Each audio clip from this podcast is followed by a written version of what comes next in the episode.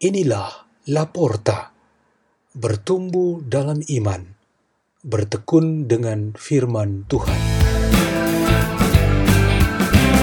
Bersama saya, Bruder Vincentius PTD dari Keuskupan Manado.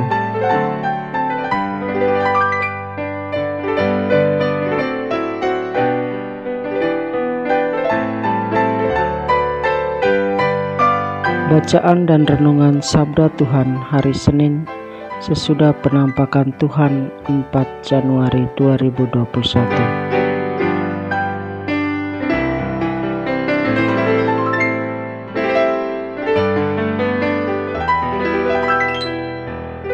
Pembacaan Injil Tuhan kita Yesus Kristus menurut Matius. Ketika mendengar bahwa Yohanes Pembaptis ditangkap, Yesus menyingkir ke Galilea. Ia meninggalkan Nazaret dan diam di Kapernaum di tepi danau, di daerah Zebulon dan Naftali, supaya genaplah firman yang disampaikan oleh Nabi Yesaya. Tanah Zebulon dan tanah Naftali jalan ke laut, daerah seberang sungai Yordan, Galilea, wilayah bangsa-bangsa lain, bangsa yang diam dalam kegelapan, telah melihat terang yang besar dan bagi mereka yang diam di negeri yang dinaungi maut, telah terbit terang. Sejak waktu itulah Yesus memberitakan, Bertobatlah sebab kerajaan sudah dekat. Yesus pun berkeliling di seluruh Galilea. Ia mengajar dalam rumah-rumah ibadat dan memberitakan Injil kerajaan Allah serta melenyapkan segala penyakit dan kelemahan di antara bangsa itu. Maka tersiarlah berita tentang dia di seluruh Syria, dan dibawalah kepadanya semua orang yang buruk keadaannya, yang menderita pelbagai penyakit dan sengsara, yang kerasukan, yang sakit ayan dan yang lumpuh. Lalu Yesus menyembuhkan mereka. Maka orang banyak berbondong-bondong mengikuti dia. Mereka datang dari Galilea dan dari Dekapolis, dari Yerusalem, dan dari Yudea dan dari seberang Yordan. Demikianlah Injil Tuhan.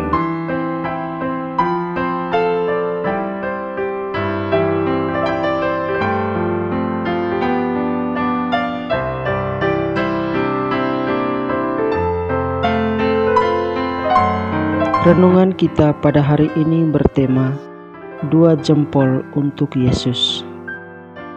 Ada satu pasangan tua, kakek dan nenek, berbelanja di toko pakaian. Mereka membeli dua kaos seragam untuk masing-masing. Dua kaos itu berwarna hitam dan bagian depannya bergambar dua jempol berwarna putih dengan gambar dasar ialah wajah Tuhan Yesus. Pada waktu acara tahun baru bersama keluarga besar, mereka berdua kompak memakai kaos baru tersebut. Semua orang, terutama cucu-cucunya, sangat senang dengan gaya kakek dan nenek.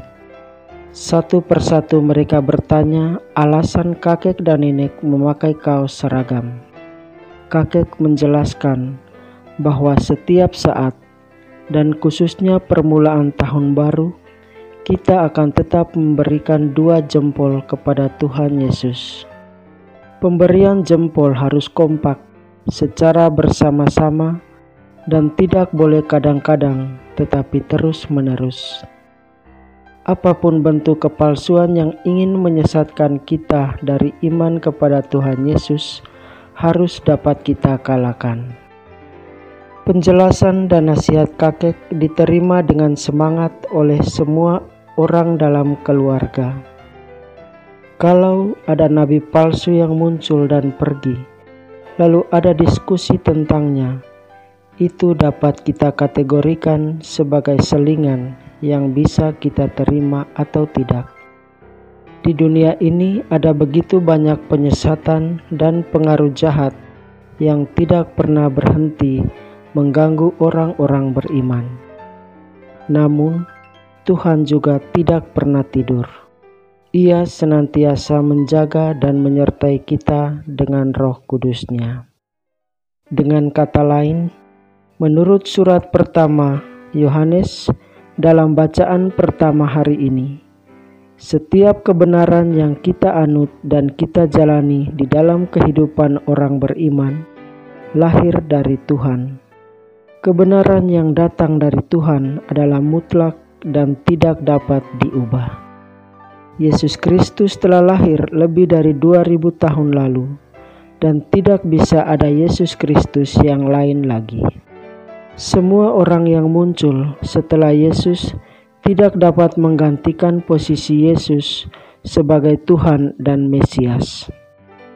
Nabi yang terakhir ialah Yohanes Pembaptis, dan setelah dia adalah Yesus.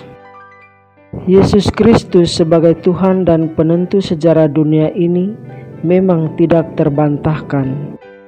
Sejarah alam semesta dan dunia ini terbagi dalam dua periode utama, yaitu sebelum Yesus dan setelah Yesus. Maka kita akan kembali terus-menerus untuk menjadikan firman Tuhan yang diwartakan dalam Injil hari ini, yaitu kerajaan Allah ada bersama kita sebagai pokok kehidupan kita. Kesaksian Yohanes Pembaptis tentang Yesus Kristus bahwa Yesus adalah Tuhan dan Allah merupakan pegangan kita yang utama. Darinya lahir semua kebenaran yang dunia ikuti dan setiap orang yakini. Meskipun dunia ini akan selalu memunculkan penemuan dan perkembangan baru, semua itu akan selalu dihubungkan dengan kebenaran Tuhan Yesus Kristus. Marilah kita berdoa dalam nama Bapa dan Putra dan Roh Kudus. Amin. Ya Yesus, jadikanlah kami umatmu yang setia dan teguh pada kebenaran darimu. Kemuliaan kepada Bapa dan Putra dan Roh Kudus, seperti pada permulaan, sekarang, selalu, dan sepanjang segala abad. Amin. Dalam nama Bapa dan Putra dan Roh Kudus. Amin. La porta, la porta, la porta.